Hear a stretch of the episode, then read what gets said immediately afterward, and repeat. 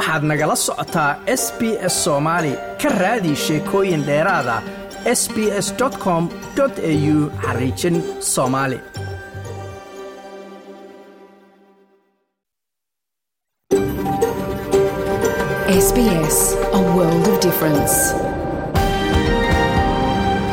SBS Somali on mobile, online, and on radio. waxaad nagala socotaan s b s soomaali oo aad ka heli kartaan mobil online iyo rediyoga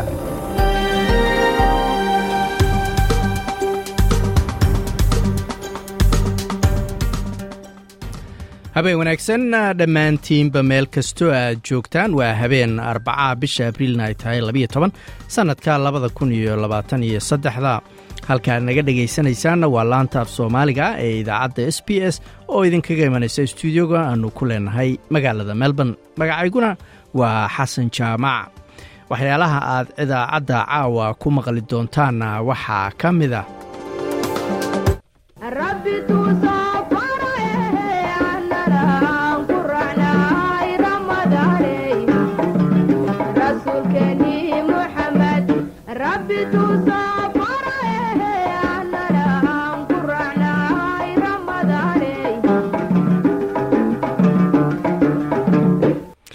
ramadaan mubaarag ayaanu idin leenahay meel kastoo aad naga dhegaysanaysaan barnaamijka caawana waxaa ka mid ah A short time ago, I resigned as Shadow Attorney General and Shadow Minister for Indigenous Australians. I resigned without rancour or bitterness, and I remain a loyal Liberal. waa xisbiga liberaalka oo jahawareer cusub galay kadib markii afhayeenkii arrimaha dadka dalkan loogu yimid uu iska casilay xilkii uu u hayey waxaad kaloo idaacadda ku maqli doontaan But I feel like now, with no phones, like recess and lunch, we have more like communications, and it's more.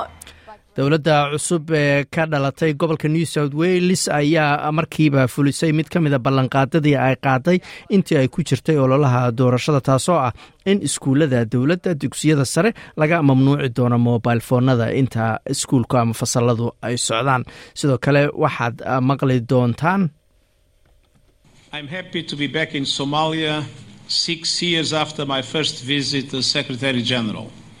waa xogeeyaha guud ee qaramada midoobey antony guteres oo booqday magaalada muqdisho wadahadalna la yeeshay madaxda dowladda federaalka ee soomaaliya arrimahaas iyo weliba wararkii kale ee soomaaliya ayaad maqli doontaan markaa horese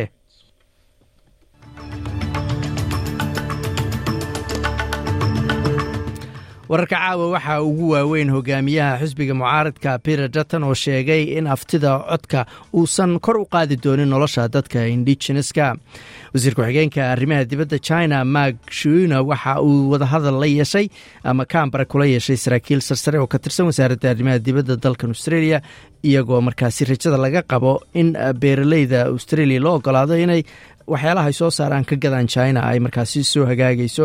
Wasiirka gaashaandhigga maraykanka lloyd ostonna waxa uu dhiggiisa ukraine kala hadlay arrimo ama saameynta ka dhalan karta dukumenti sir ahaa oo maraykan ah oo bannaanka loo soo saaray. Wararkaas iyo kuwo kale ayaad maqli doontaane u diyaar garooba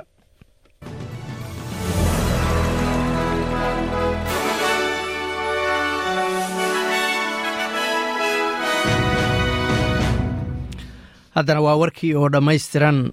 Hogaamiyaha mucaaradka federaalka dalkan australia peter dutton ayaa sheegay in aftida codka uusan kor u qaadi doonin nolosha dadka indigeneska xisbiga liberaalka ayaa taageeray baaqiyo xal muuqda loogu sameynayo nolosha dadka dalka loogu yimid oo markaasi halka codka ay yeeshaan dastuurka lagu dari doono. Mr dutton ayaa sheegay in tallaabooyin dheeraada loo baahan yahay in laga qaado meelaha ama goobaha ay degan yihiin shacabkaasi si loo hagaajiyo amnigooda iyadoo tirada dembiyadu ay aad u kordheen I don't believe that a Canberra voice of 24 people who predominantly come from capital cities is going to be the solution. ma aaminsanin ayuu yidhi in codka kambara oo labaatan iyo afar qof oo caana oo ka kala yimid caasimadaha dalka ay xal u yihiin dhibaatooyinka ka jira meelaha ay dadka indigeneska degan yihiin. Haddaan xalka hayo markiiba waxbaan ka qaban lahaa ayuu yidhi. Laakiin waxaan aad u aaminsanahay in la dhegeysto codadka dadka deegaanadaasi degan iyo gobollada yaryar waana taas taan samaynayno. Haddaanu nahay xisbiga liberaalka ayuu yidhi waana iskuday aanu ku hubinayno inaanu midayno shacabka dalkeenna ayuu yidhi. Peter dutton halkaad weli nagala socotaan. Waa laanta af soomaaliga ee idaacadda s b s. Wakiilo ka tirsan hay'ad la dagaalanta adoonsiga oo la yidhaahdo anti slavery australia ayaa sheegtay in dalkani waa dalka australia uusan shaqo fiican ka qabanayn sidii loo difaaci lahaa haweenka iyo weliba carruurta oo looga difaaci lahaa noocyada cusub ee adoonsiga guddi baarlamaan ayaa helay baa layidhi cadaymo cusub oo ku saabsan xadgudubyo ay la kulmaan haweenka iyo carruurta dalkan australia. Sida laga soo xigtay hay'adan la yidhaahdo anti slavery australia waxaa jira markaasi arrimo xoogan ama oo aada u xoogan oo u dhexeeya noocyada cusub ee adoonsiga iyo waxaa loo yaqaano rabshadaha qoyska kuwaas oo maxkamadaha australia aysan si fiican uga fakerinayaan layidhi madaxa hay'addan jennifer burn ayaa sheegay in shaqaalaha safka hore aysan haysan ama helin macluumaadkii loo baahan yahay si ay u ogaadaan daruufaha ama xaaladda ama waxa keeni kara ama u ekaan kara adoonsiga cusub arrintan ayaa keentay in markaasi arrintan laga hadlo. Halkaad nagala socotaan waa laanta af soomaaliga ee idaacadda s b s ra'iisul wasaaraha dalkan australia antony albanisi ayaa sidaa la sheegaya aan ka qeybgeli doonin baa layidhi shir madaxeedka xulafada nato waxaa soo baxday bilowgii asbuucan in master albanisi lagu casuumay inuu ka qayb galo shirkii sannadkii labaad. Iyadoo qeyb ka ah waxa loogu yeeray ama australia ay qeyb ka tahay waxa loogu yeeray afarta dal ee asia pacifica. Afartaas dal oo ay ka mid yihiin australia new zealand jaban iyo weliba koonfurta kuuriya joornaalada age iyo sydney morning herald ayaa soo warinaya in master albanisi uusan ka qaybgeli doonin shirkaasi. Inkastoo ay sheegeen in ra'iisul wasaaraha afhayeen u hadlay uusan ka hadal oo sheegin sababta uusan shirkaasi uga qayb galayn. Master albanisi ayaa ka qayb galay shirkii sannadkii hore oo markaasi lagu casuumay. Shirka sanadkan ayaa lagu wadaa inuu ka dhaco dalka lithuania bisha julaay tiro siyaasiyiin dalkan australia ayaa saxiixay baa layidhi waraqad furan oo ay ugu baaqayaan dalka maraykanka inuu tuuro codsiga uu ku doonayo ama qorshaha uu ku doonayo in loo gacangeliyo ninkii aasaasay wikileaks julian assange. Warqadan ayaa waxaa bilaabay qoritaankeeda xildhibaan andrew wilki waxaana uu sheegay in assange uu markaasi siyaalo kala duwan u xirnaa muddo ka badan toban sano tan ayaa ama qoraalkan ayaa la socda tallaabo tan la mida oo ay qaadeen xildhibaano ka tirsan baarlamaanka u k. Assange ayaa hadda waxa uu ku xiran yahay xabsiga belmash la yidhaahdo ee london ku yaalla muddo afar sano ah waxaana uu wajahayaa xabsi gaaraya boqol iyo toddobaatan iyo shan sano haddii loo gacangeliyo dalka maraykanka halkaad weli nagala socotaan waa laanta af soomaaliga ee idaacadda s b s oo idinkaga imanaysa stuudiogan ku leenahay magaaladan melbourne. Wasiir ku-xigeenka arrimaha dibadda dalka china ma shuju ayaa wadahadal kula yeeshay cambare saraakiil sarsare oo ka tirsan wasaaradda arrimaha dibadda dalkan australia iyadoo ay kor u kacday rajada ah in beeraleyda australia ama rajada ay beeraleyda australia ka qabaan in china ay khafiifiso ama joojiso xanibaado ay saartay ganacsiga dalkan.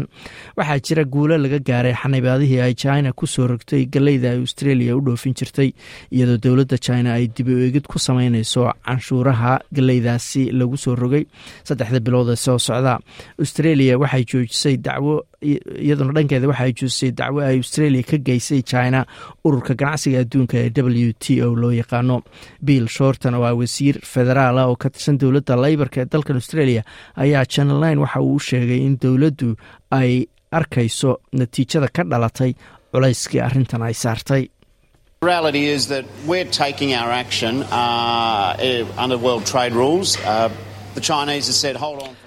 xaqiiqdu waxay tahay inaannu qaadayno tallaabo annagoo isticmaalayna shuruucda ganacsiga adduunka. Jiniiskuna waxay nagu yidhaahdeen na suga saddex bilood. Waxaanu ku niri saddex bilood waanu ina sugaynaa. Nidaamka waqti ha la siiyo. Ugu dambayntase waxaanu doonaynaa waa in natiijo aan gaarno. Waxay ila tahay in haddii australia aysan meel adag ka istaagi lahayn ma aynaan gaarneen in china ay hadda leedahay. Waanu ka fiirsanaynaa ama waanu ka fakaraynaa oo dib u eegin. Ayaanu ku samaynaynaa xaqiiqda ka jirta arrintan. Wararka dibadda ayaanu weli ku jirnaayey. Wasiirka gaashaandhigga maraykanka lloyd auston ayaa kala hadlay dhiggiisa ukraine. Wasiirka olexi resnikof sidii loo xadidi lahaa. Saameynta ka dhalan karta dukumentiyo wasaaradda difaaca maraykanku ay lahayd oo si qarsoodiya hoosta looga dusiyey bannaankana la keenay maer auston ayaan wax weyn ka soo qaadin saameynta ay ku yeelan karto milatariga ama dagaalka ukraine ay ku jirto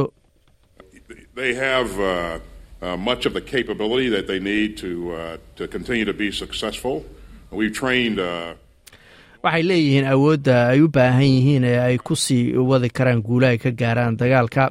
Tiro badan oo ciidankooda ayaanu tababarnay dariiqyo ama wadooyin badan ayaana u furnay waxayna ila tahay in wasiirku dareemayo inay meel fiican joogaan ayna sii wadi karaan inay diiradda saaraan siday u abuuri lahaayeen awood ay ku sii wadaan inay guula ka gaaraan dagaalka. Markasta mar kasta oo ay doortaan inay weeraro qaadaan.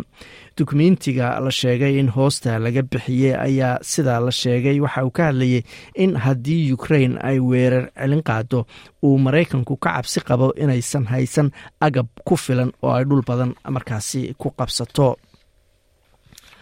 dhanka isboortigana madaxa naadiyada cayaaraha kubadda ee falka la yidhaahdo gillon mclauglan ayaa ballan qaaday inuu isku dayayo intuu tabartiisa inuu gacan bir a ku qabto dadka cunsuriyiinta ee hadallada cayda iyo aflagaadada u geysta cayaartooyda.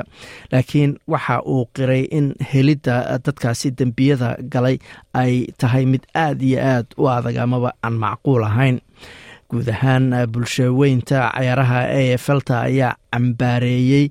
Markaasi cay iyo aflagaado midab ku salaysan oo lagula kacay afar cayaartooy oo ka soo jeeda dadka indigeneska ee dalkan australia taasoo dhacday muddo afartan iyo sideed saacadood gudahooda. Maclauglan ayaa sheegay inuu aad uga carooday runtii tacadiyada iyo xadgudubyada lagu wado cayaartooydan cutubka efelta u qaabilsan arrimaha anshaxa ayaa waxa ay baaraysaa aflagaadooyin iyo cay lagula kacay cayaartooydaasi dhanka online-ka. Maalmihii u dambeysay cayaartooydaas oo u kala cayaara ayaa layidhi saddexda naadi ee kale ah adelaide freemantle iyo brisbane lions saadaasha hawada berita oo khamiisa magaalada melbourne waa qayb ahaan daruur iyo kow iyo labaatan digrii halka sydney roobab la filayo iyo laba iyo labaatan digrii halka australian dollar maanta waxaa lagu sarifayay lixdan iyo toddoba senti oo lacagta maraykanka ah. Halka aad weli nagala socotaan waa laanta af soomaaliga ee idaacadda s b s weli waxaa noo soo socdaa booqashadii xogeeyaha guud ee qaramada midoobey uu ku tegay magaalada muqdisho mr antony guteres warbixin ku aadan. Marka horese iskuullada hoose iyo dhexe ee dalkan australia gobollada intooda badan looma ogola caruurtu inay mobile foono ku haystaan iskuulka inta uu socdo. Haddaba gobolka new south wales premierka cusub ee loo doortay ayaa ballanqaadadiisii xilligii doorashada ololaheeda uu ku jiray. Waxaa ka mid ahaa in dugsiyada sarena laga mamnuuci doono in mobile foonada loo isticmaalo. Taasna waxa uu hadda ku dhawaaqay inuu hirgelin doono marka la gaaro teeramka afraad ee sanad iskuuleedka sanadkan. Warbixin ka diyaarinayna waatan dowladda cusub ee dhowaan laga doortay gobolka new south wales ayaa markiiba fulisay mid ka mid ah ballanqaadyadii ay qaaday intii ololaha doorashada lagu jiray taasoo ah inay iskuullada dowladda ka mamnuucayso mobile foonada dhammaadka sanadkan mamnuuciddan ayaa hore uga dhaqan gashay iskuullada hoose ee gobolka iyo dhammaan maamulada kale ee dalka marka laga reebo queensland iyo tasmania. Khuburo badan oo arrimaha waxbarashada iyo baarayaal ayaa sheegay inay faa'iidada arrintani ay tahay mid iska cad in ardada laga qaado ka mashquulidda iyo inay qabatimaan isticmaalka mobilada taasina ay yaraynayso tacadiyada online-ka ama dhibaatooyinka ardada loogu geysto dhanka online-ka iyo sidoo kalena ay kor qaadaysa ayaa la yiri buundooyinka ama waxbarashada ardada. Muddo hal sano ah ardada dhigata dugsiga sare ee davidson oo ku yaalla waqooyiga sydney subax walba waxa ay samaynayeen wax hadda caado u noqotay. Marka ay albaabka ka galaan iskuulka waxay mobayladooda ku xiraan meel boorsa yara oo magnetig ah ilaa gambaleelka u dambeeya ee iskuulka lagu dhufanayo markii waxbarashadu ay dhammaato maalintaasi.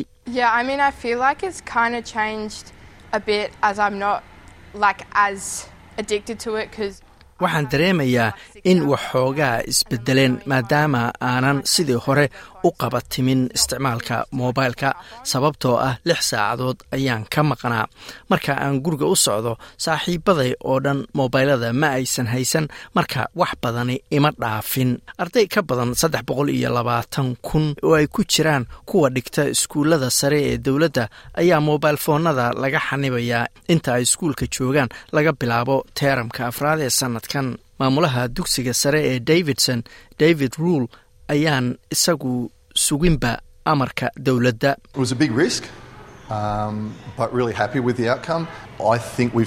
Khatar badan ayaa ka iman kartay laakiin runtii aad baan ugu faraxsannahay natiijada ka soo baxday. Waxaannu aragnay in caqliga iyo isdhexgalka bulsho ee ardadu uu aad u kordhay iskuulka. Waxay awood u yeesheen inay isla hadlaan oo sheekaystaan ardadu waxay ka nasteen baraha bulshada lix saacadood. Waxaanu ognahay nasiib darro in waxyaalo aan fiicnayn ay kala kulmaan baraha bulshada. Marka lix saacadood ee ay iskuulka joogaan waa meel ammaan u ah. Maskaxdooda ayayna ka saarayaan ayuu yidhi. Iskuulka dibaddiisase mobail foonada ayaa weli dhibaato ku noqon kara ardada aabe reer sidni ah ayaa aad u nacay sida telefoonku ama mobail foonku gabadhiisa u mashquuliyey. Waa uuna ka qaaday mobailka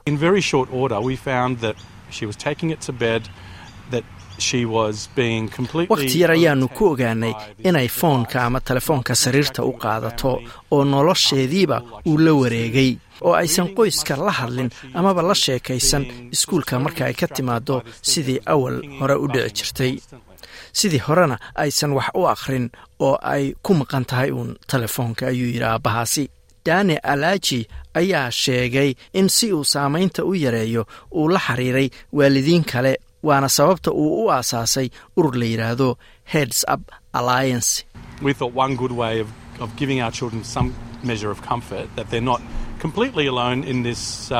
waxaan isnidhi dariiqa keliya ee aan carruurteenna niyadda ugu qaboojin karno inaysan ahayn kuwa keliya ee telefoonka aan haysan ama baraha bulshada ka maqan waa inaannu ugu yaraan helno dad kale oo iskuulka ay wada dhigtaan waana helnay. Marka waxaannu ku dhiiragelinay waalidiinta iskuullada kale inay samaystaan kooxa noocaasoo kale ah si carruurtoodu aysan u dareemin inay keligood arrintan ku yihiin. Waxaase jira dad arrintan shaki ka muujinaya oo leh ardada waa in la baraa inay iyagu maareeyaan isticmaalka telefoonadooda susan maclean oo ah qabiirad dhanka ammaanka internetka ayaase ka hor timid aragtidaasi.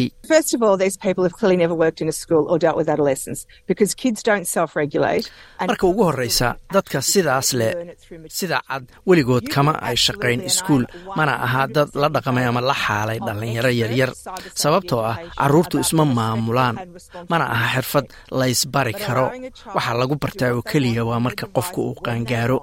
boqolkiiba boqol waan taageersanahay in waxbarashada ammaanka internetka ee ku salaysan ixtiraamka iyo mas'uuliyadda qalabka casriga la bara ardada.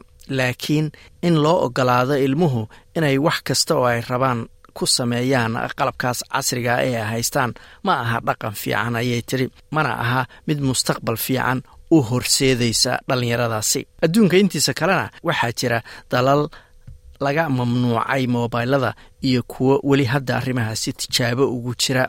Cilmi baarisyo laga sameeyey dalalka sbain iyo england ayaa muujinaya saameyno fiican oo dhanka fayoobaanta ardada iyo yareynta tacadiyada iyo natiijooyinka dhanka waxbarashada ah. Sara abrahamson oo ah baare dhanka caafimaadka ayaa arrintan ka eegtay iskuullada dalka norway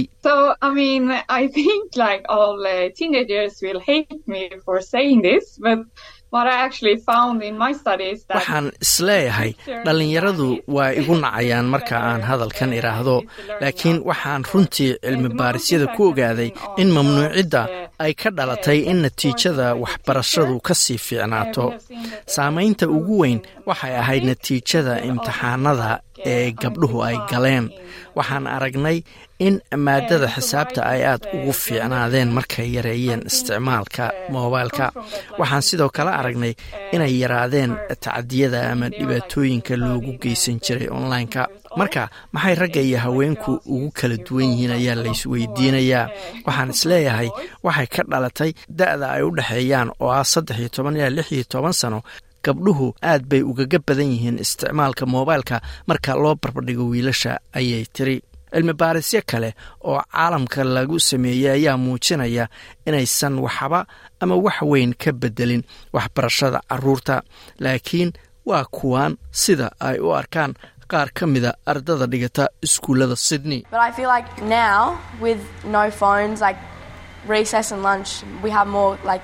waxaan dareemayaa in telefoon la'aan marka aan bareega ku jirno aanu sheekaysanno si ka badan sidii hore.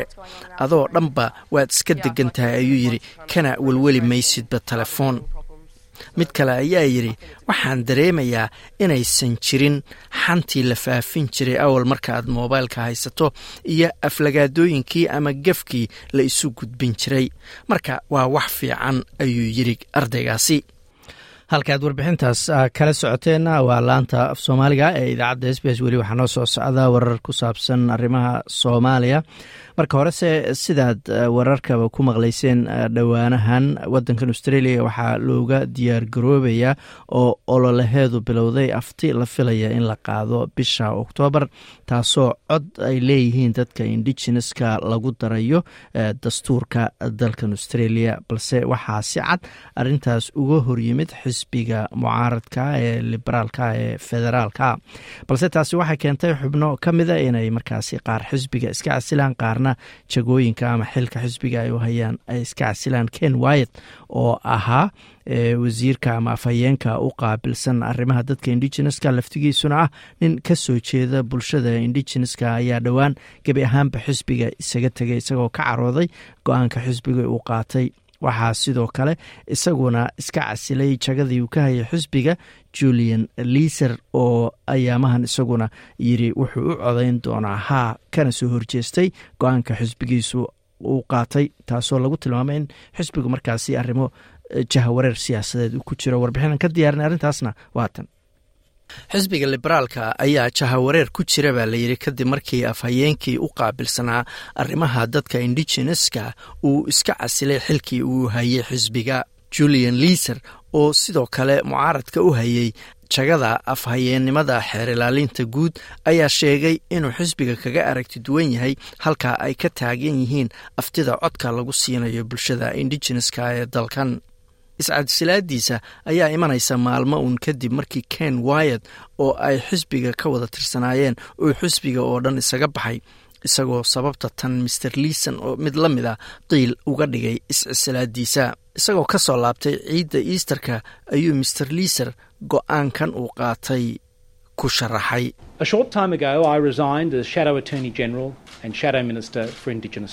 wakhti aan saa u fogeyn ka hor waxaan iska casilay xilkii xeer ilaaliyaha iyo arrimaha dadka indigeneska ee aan u hayay mucaaradka. Waxaan iscasilay aniga oo aan qabin caro ama nacayb. Waxaan si buuxda daacad ugu ahay xisbiga liberaalka waxaana iga go-an taageeridda hoggaanka peter dutton laakiin ayuu intaa ku daray aanan awoodin inaan ka ololeeyo codka baarlamaanka laga siinayo bulshada dadka dalka loogu yimid. Julian liiser ayaa iscasilay kadib markii xisbiga liberaalka uu si rasmiya ugu dhawaaqay inay ka soo horjeensanayaan hindisaha dowladda ee codka lagu siinayo bulshada indigeneska ah oo dhammaadka sanadkan afti loo qaadayo xildhibaanada safka dambe ka fadhiista baarlamaanka ee aan xil gaar ahayn laguma khasbo inta badan inay mar walba talada xisbiga raacaan. Laakiin afhayeenada wasaaradda ee front benchiga la yidhaahdo waa inay talada xisbiga mar walba raacaan. Maer liiser ayaa sheegay inuu iscasilay maadaama wakhti dheer taageersanaa cod baarlamaanka laga siiyo dadka indigeneska ah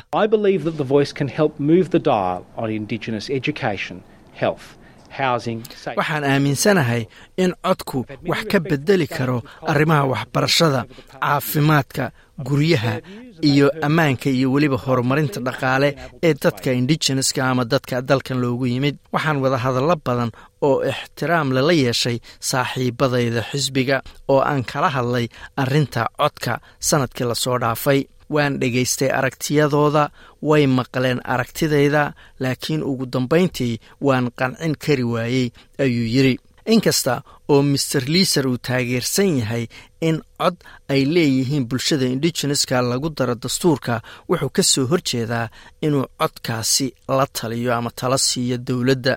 Wuxuu sheegay inuu ku dadaalayo in qaybtaas la bedelo ka hor aftida. Hadda wuxuu baarlamaanka ka fadhiisanayaa kuraasta dambe halkaas oo xildhibaanada isbahaysigu ay xor u yihiin inay siday doonaan u codeeyaan. Hogaamiyaha mucaaradka peter dutton ayaa ku ammaanay maer liison wakhtiga dheer ee uu u soo shaqaynayay xisbiga liberaalka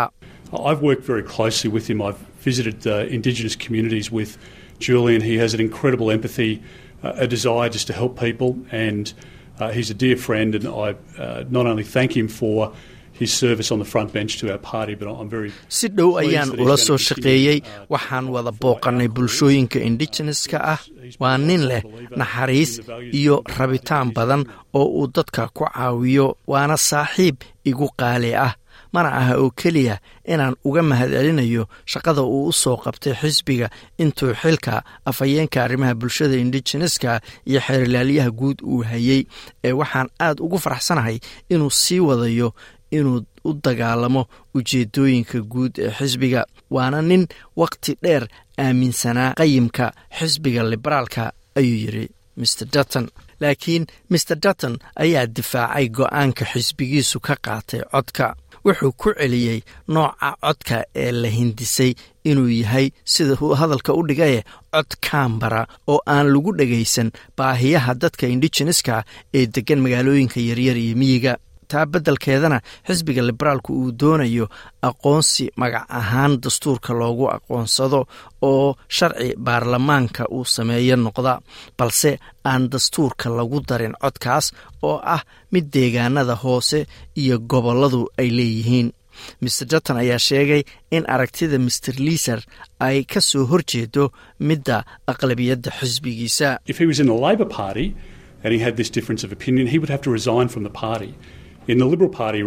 haddii uu xisbiga laybarka ka tirsanaan lahaa oo uu ka aragti duwanaan lahaa waxay noqon lahay inuu xisbiga oo dhan iska casilo.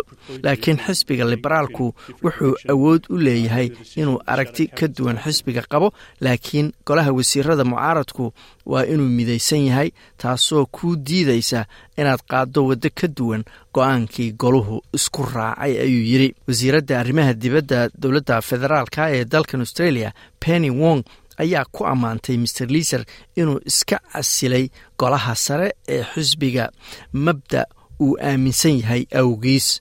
Waxayna sheegtay inuu go'aankiisu muujinayo inuu yahay qof go'aan adag He's put his principles first. He's put his principles ahead of partisan politics. Uh. Uh,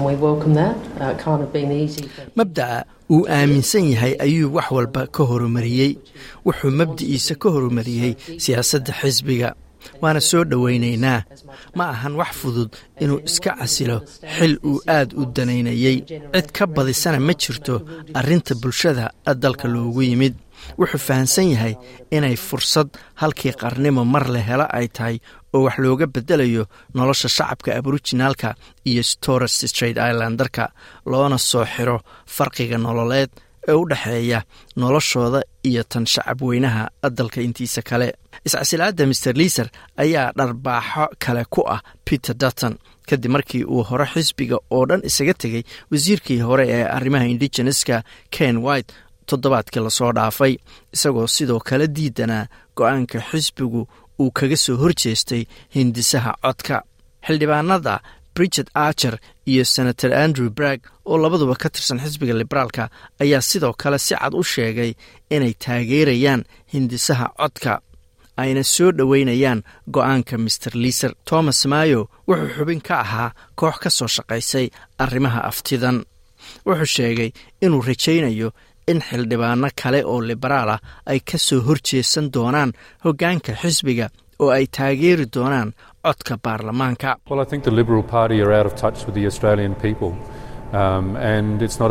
waxay ila tahay in xisbiga liberaalku uusan la haysan dareenka shacabka australia. Iyaga ayaa isku mashquulsan. Arrintanini ma aha mid xisbiga liberaalka iyo siyaasadda ay cayaarayaan ah. Waana ka daalnay arrimahan haddaannu nahay bulshada indigeneska arrintani waa mid siyaasad ka weyn.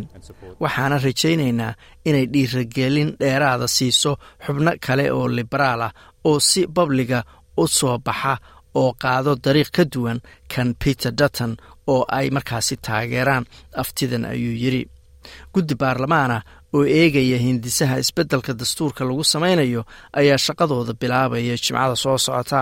Waxaana la filayaa inay warbixintooda soo gudbiyaan bartamaha bisha mey master dutton ayaa la filayaa inuu buuxiyo booskii uu iska casilay master liiser maalmaha soo socda halkaad warbixintaas kala socoteenna waa laanta af soomaaliga ee idaacadda s b s. Waxaanu soo gaarnay bartamihii idaacaddeenii caawa wararkana waxaa ugu waaweynaa hogaamiyaha mucaaradka federaalka dalkan australia peter dutton ayaa sheegay in aftida codka uusan markaasi kor u qaadayn nolosha dadka indigeneska ah tiro siyaasiyiina ayaa saxiixay baa layiri warqad furan oo ay ugu baaqayaan maraykanka inay tuuraan ama joojiyaan qorshaha la doonayo in ninkii aasaasay wikileakska julian assan loogu gacangeliyo dalka maraykanka.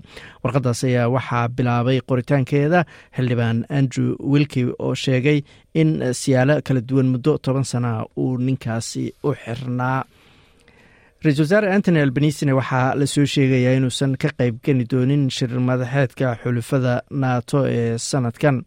Waxaa la sheegay bilowgii asbuucan in master albanisi lagu casuumay inuu ka qeyb galo markii labaad shirka xulufadan isagoo oo qeyb ka ah. Markaasi waxaa lagu tilmaamay ama lagu sheegay afarta dal ee asia pacifica oo australia ku jirto new zealand jaban iyo weliba koonfurta kuuriya wakiilo ka tirsan hay'ad la dagaalanta adoonsiga cusub oo a s a la yiraahdo ayaa sheegtay in dalkan australia uusan ka difaacayn arintaasi haweenka iyo carruurta waa nooca cusub ee markaasi la yiraahdo adoonsiga cusube. Guddi baarlamaan ayaa helay ayaa layiri cadeymo ku saabsan xadgudubyo ay markaasi mareen haween iyo carruur dalkan australia. Wasiirka xigeenka arrimaha dibadda dalka china ma shiona waxa uu wadahadal kula yeeshay cambara saraakiil sarsare oo ka tirsan wasaaradda arrimaha dibadda australia iyadoo ay kor u kacday rajada ay beeraleyda australia ka qabaan in china ay khafiifiso ama qaado xanibaado ay saartay ganacsigooda. Wasiirka shaandhigga mareykanka lloyd ostonna waxa uu dhiggiisa ukraine kala hadlay sidii loo xadidi lahaa saameynta ka dhalan karta dukumentiya sir ah oo wasaaradda difaaca mareykanku ay lahayd oo hoosta laga dusiyey. Mr oston ayaan waxweyn ka soo qaadin. Saameynta ay ku yeelan karto arintaasi dagaalka ukraine ay kula jirto ruushka. Xogayaha guud ee qaramada midoobey antonio guteres ayaa booqday magaalada muqdisho halkaas oo uu wadahadal kula yeeshay madaxda qaranka ee soomaaliya. Warbixintan waryahayga magaalada muqdisho ayaa noo soo diray. Iyada oo xogayaha guud ee qaramada midoobay antony guteres uu booqasho ku soo gaaray magaalada caasimadda muqdisho ayaa waxa uu kulan la qaatay madaxweynaha soomaaliya xasan sheekh maxamuud ka hor intii uusan booqasho ku tegin magaalada baydhabo oo uu booqday xero ay ku jiraan barakacyaal fara badan madaxweynaha soomaaliya xasan sheekh maxamuud iyo xogayaha guud ee qaramada midoobay antony guteres oo shir jilaaid si wadajira u qabtay ayaa ka wada hadlay xaaladda dalka soomaaliya iyo sida ugu muhiimsan ee loo gargaari karo boqolaalka kun ee soomaaliyeed ee iminka la daalaadhacaya abaarta ka jirta geyiga soomaaliya labada mas'uul ayaa ka arrinsaday aayaha iskaashiga labada dhinac qorshaynta mudnaanta u leh dowladda soomaaliya caqabadaha jira iyo dhinacyadu ay tahay in gargaarka iyo waxqabadka heedaha qaramada midoobay ee ka howlgala soomaaliya ay xoogga ku saaraan si loo xoojiyo dib u soo kabashada soomaaliya sidoo kale madaxweynaha soomaaliya oo madasha ka hadlay ayaa soo bandhigay guulaha wax ku oolka ah ee laga xaqiijiyey dhinacyada amniga dalka xoojinta dowladnimada dayn cafinta kobcinta kaabayaasha dhaqaalaha iyo dib u heshiisiinta ay dowladda soomaaliya samaysay. Madaxweynaha soomaaliya ayaa ugu horreyntii waxa uu aad u soo dhoweeyey booqashada xogayaha guud ee qaramada midoobay antony guteres uu ku yimid dalka soomaaliya taasi oo uu sheegay inay muujinayso sida qaramada midoobay ay ugu heelan tahay wax ka qabashada dhibaatada dalka soomaaliya waxaa kale uu dul istaagay culaysyada iyo dhaqaalaha adag ee ay la tacaalayso dowladda kuwa oo ay ugu horeeyaan abaaraha galaaftay nolosha kumanaan qoys saamaynta isbeddelka cimilada saboolnimada iyo colaadda sokeeye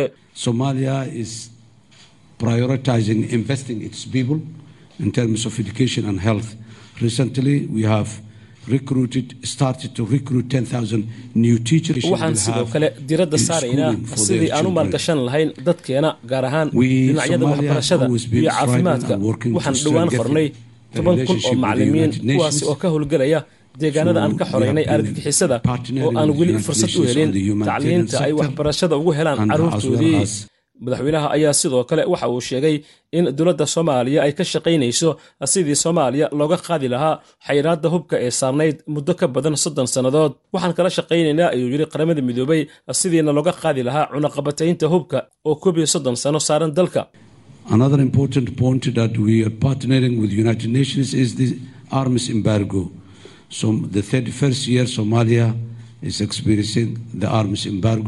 Another important point that we are partnering with the United Nations is the arms embargo. So the 31st year Somalia is experiencing the arms embargo, which we believe this it is the right time. We are very much grateful for the United your good offices on the support of this issue, as well as the other United Nations Security Council members who showed that the Somalia has reached to a level where it has been eased. The embargo has been eased in the past. That helped a lot, and we are expecting the complete lift in the near future as well. Dhankiisii xogayaha guud ee qaramada midoobay antony guteres oo shirka jaraa'id ka hadlay ayaa muujiyey sida ugu faraxsan yahay booqashadiisa soomaaliya isagoona uga mahadceliyey madaxweynaha soomaaliya soo dhoweynta diiran ee uu u sameeyey isaga iyo wafdigiisii.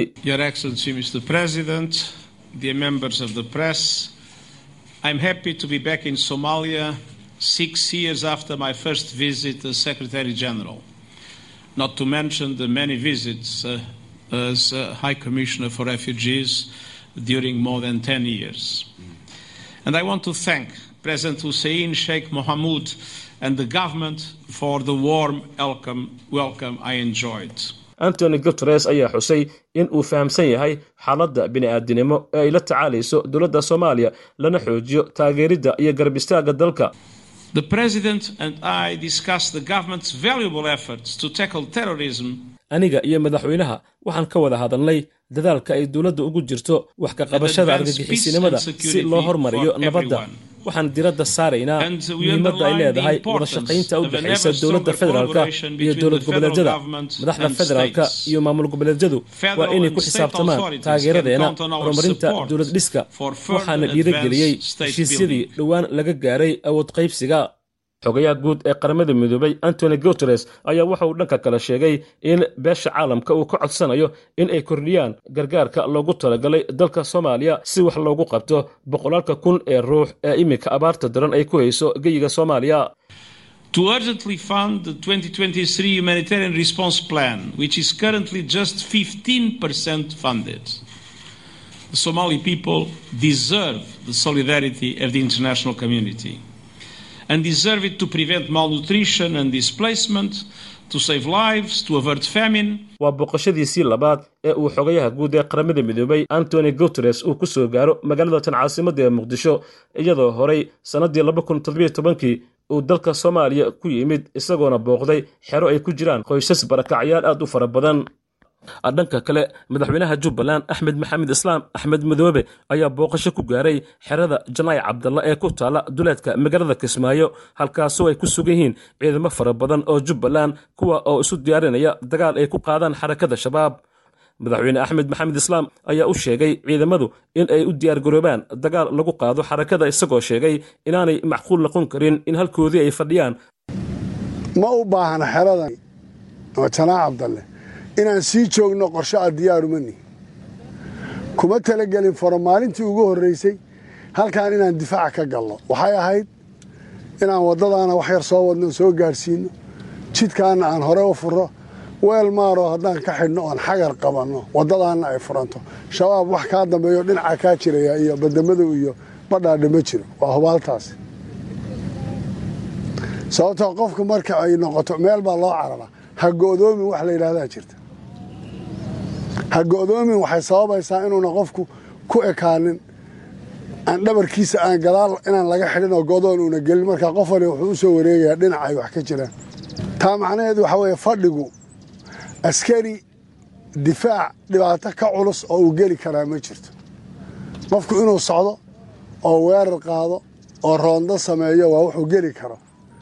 Laakiin inaad god ku jirtaay waa wax culus. Waa in la baxo oo bannaanka la wareego oo roondo lagu jiro oo kamiin loo galo jidgal loo sameeyo dhabagal oo bannaanka la isla wareego. Laakiin hadday noqoto inaad godka ku sugto.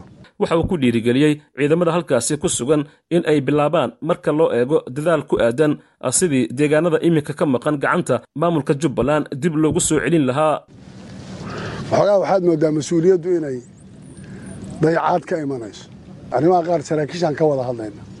Laakiin waxaa muhiim ii ah inaan idiin sheego war halkan lama joogayo. Waxaan rabnaa hal koox oo soddon qofa inaan kaga tagno soo xero weyn maa xeradan. Soddon qof baan rabnaa inay noqoto ciidanka lagaga tegi doono halkan. In la socdaan rabaa oo waddadaa aan furno oo dadka noo yeedhaya aanu u tagno oo shabaab aan bannaanku kala hadno colays iguma haysa maanta inaa idhaahdo anaa soconaya waxaan tegaya afmadow aan tagno. Wax dhiba igu haysa mala ma aqaana de hadda inay naftu waxoogaa cabsi badan keentay. Laakiin ma filayo inay maanta colays igu keenaysa hadda inaan sidan aan ku soconno. Wax caqabadaani iguma hayso. Laakiin waxaan xeerinayaa weli diyaargarowga iyo waxa la qabanaya sida la yeelayo intaa inaan joognana qorshuhu ma ahayn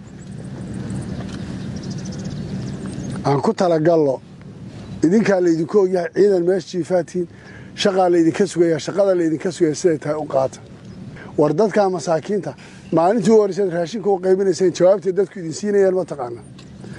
Adeero miyaad noqonaysaan iyo eedoy miyaad noqonaysaan. Hadday kuu yimaadaan wax ku weydiisan lahay inaad noqotay ka cabsanaya soo dhibaato maa miyaan shirqoolaynaan mishimaynaa wuxuu midaan rabo inaan dad xorriyadoodana ay ku helaan xoolahooda ay ku jirtaan dhaqaalahooda ay ku waxaystaan aan ugu gargaaro taasi aniga muhiimaddaydu ah wixii intaa ka badan waa ijtihaadaad kale iyo dadaallo kaleo cidinla imanayso. Waxaan rabaa marka ciidankaani waa ciidan badan isku filan wax walba isugu waxaysan. Janaac cabdalle iyo dhabarkeeda waxaan rabnaa inay bannaan yihiin. Oo baabulkhoof uuna jirin oon ka hadalno jamaama xaggeen uga gudubnaa iyo weel maaro intaan ka xidhnoon xagar qabanno dhinacaanoo dhan saafi ha noqoto halka aad kala socoteen warbixintaas waa laanta af soomaaliga ee idaacadda s b s waraysiyada warbixinadii kala duwanaa ee caawa iyo kuwii horeba. Waxaad dabcan ka daalacan kartaa website-ka iyaga oo ah www s b s com a u xariijin soomaali. Sidoo kalena barta facebooka ayaad sidoo kale nagala socon kartaa ama nagala soo xiriiri kartaa oo ah www facebook com xariijin s b s somaali haddana waa warbixin kale oo uu noo soo diray wariyahayaga magaalada muqdisho. Dowlad goboleedka puntland ayaa ka hadashay magacaabista cabdikariin xuseen guuleed oo dhowaan madaxweynaha dowladda federaalk ee soomaaliya xasan sheekh maxamuud uu u magacaabay ergeyga arrimaha somalilan u qaabilsan dowladda soomaaliya waxaana puntland ay wax lala yaabo ku tilmaantay in madaxweyne xasan sheekh uu xilligan magacaabo ergey somalilan iyada oo dagaal in ka badan muddo laba bilooda uu ka socdo magaalada laascaanood ee xarunta gobolka sool war-saxaafadeedka ka soo baxay wasaaradda arrimaha gudaha ee maamulka puntland oo ka koobnaa ilaa iyo lix qodob ayaa waxaa lagu sheegay in tallaabada madaxweyne xasan uu qaaday ay u muuqato dhayalsi iyo hoosu dhig baaxadda culayska mushkiladda laascaanood ka taagan iyo gudasho la'aanta siday yidhaahdeen waajibaadkeeda dastuuriga ah ee difaaca shacabka gobolkaasi sool qodobada war-saxaafadeedka oo lix qodob ka kooban ayaa qodobka koowaad waxaa lagu sheegay waxaa loo akhrin karaa ayay yidhaahdeen marin habaabin qorshaysan oo lagu degdegay si indhaha dadka soomaalida ah iyo kuwa beesha caalamkaba looga jeedinayo colaadda iyo xasuuqa siday yidhaahdeen dadka reer laascaanood. culayskana laga dulqaado muuse biixi iyo gaboodfalkiisii qodobka labaad ayay waxay ku sheegeen dhayalsi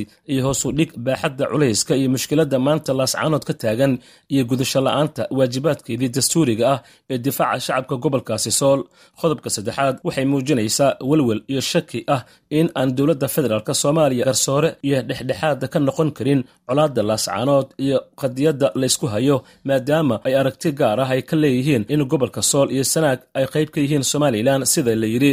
Sidoo kale sida ka muuqata qoraalka magacaabista arrintani waxay dhinac marsan tahay ayaa la yidhi. Tabashooyinkii dheeraa ee dadka reer sool iyo go'aankoodii ay ku caddeeyeen in aysan qayb ka ahayn somalilan waxay kaloo dhinac marsan tahay in gobollada sool iyo sanaag ay puntland wax ka dhisteen oo dastuur ahaan iyo wax wada qaybsi ahaanba ay qayb ka yihiin.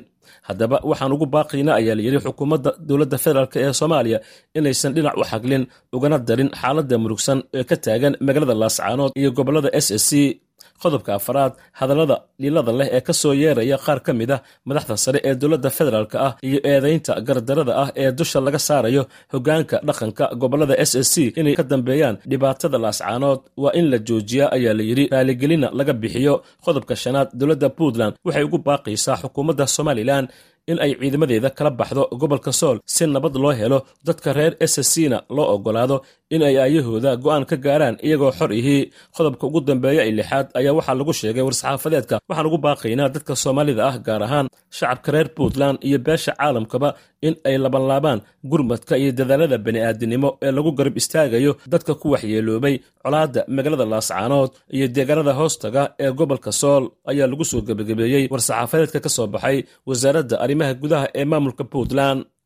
Dhanka kale iyada oo weli lagu guda jiro bisha barakaysan ee ramadaan islamarkaana ay jiraan qoysas fara badan oo aan haysan wax dhaqaale ah gaar ahaan carruurta agoonta ah ayaa hay'adda hormuud islam foundation waxay lacago taakulaynah guddoonsiisay carruur fara badan oo agoon ah kuwa oo ku jira xarumaha lagu xanaaneeyo agoonta ee magaalada caasimadda muqdisho. Munaasabadda ayaa waxaa ugu horrayntii ka hadlay guddoomiye ku-xigeenka hay'adda hormuud salaam foundation cabdiraxmaan ibraahim cilmi waxaana uu sheegay in lacagtan loo qeybiyey carruurtan agoonta ihii oo laga soo kala xulay ilaa iyo kubi labaatan xarumood loogu talagalay inay ku afraan oo ay ku iibsadaan dharkooda ciidda. Marka waxaan go'aansanay annagoo ah hormuud salaam foundation in kun agoon aan maanta ka farxinno isla markaasna ay qayb ka qaataan afurinta yani afurintooda qayb aan ka qaadanno. Runtii waxaa ilaahay mahadiya kunkaas kunkaas maarata agoon inaan joogtaynay oo annagoo u marayno labaatan iyo kow xarum ee ka shaqeeya magaalada muqdisho. Marka maanta waxaan rabnaa marka agoontaas oo kun gaarayo in aan siino muxuu ahaa lacag. Lacagtaasoo aan u talagalnay inay ku afuraan isla markaasna dharkooda iidda ay qayb ka noqoto. Waxaan ognahay nebiga sal allahu alayh wasalam inuu aad iyo aad u baraarujiyey agoonta dadka u adeego kafiil ka noqdo inay ma aragtay jannada nebiga ay rafiiq kula noqonayaan.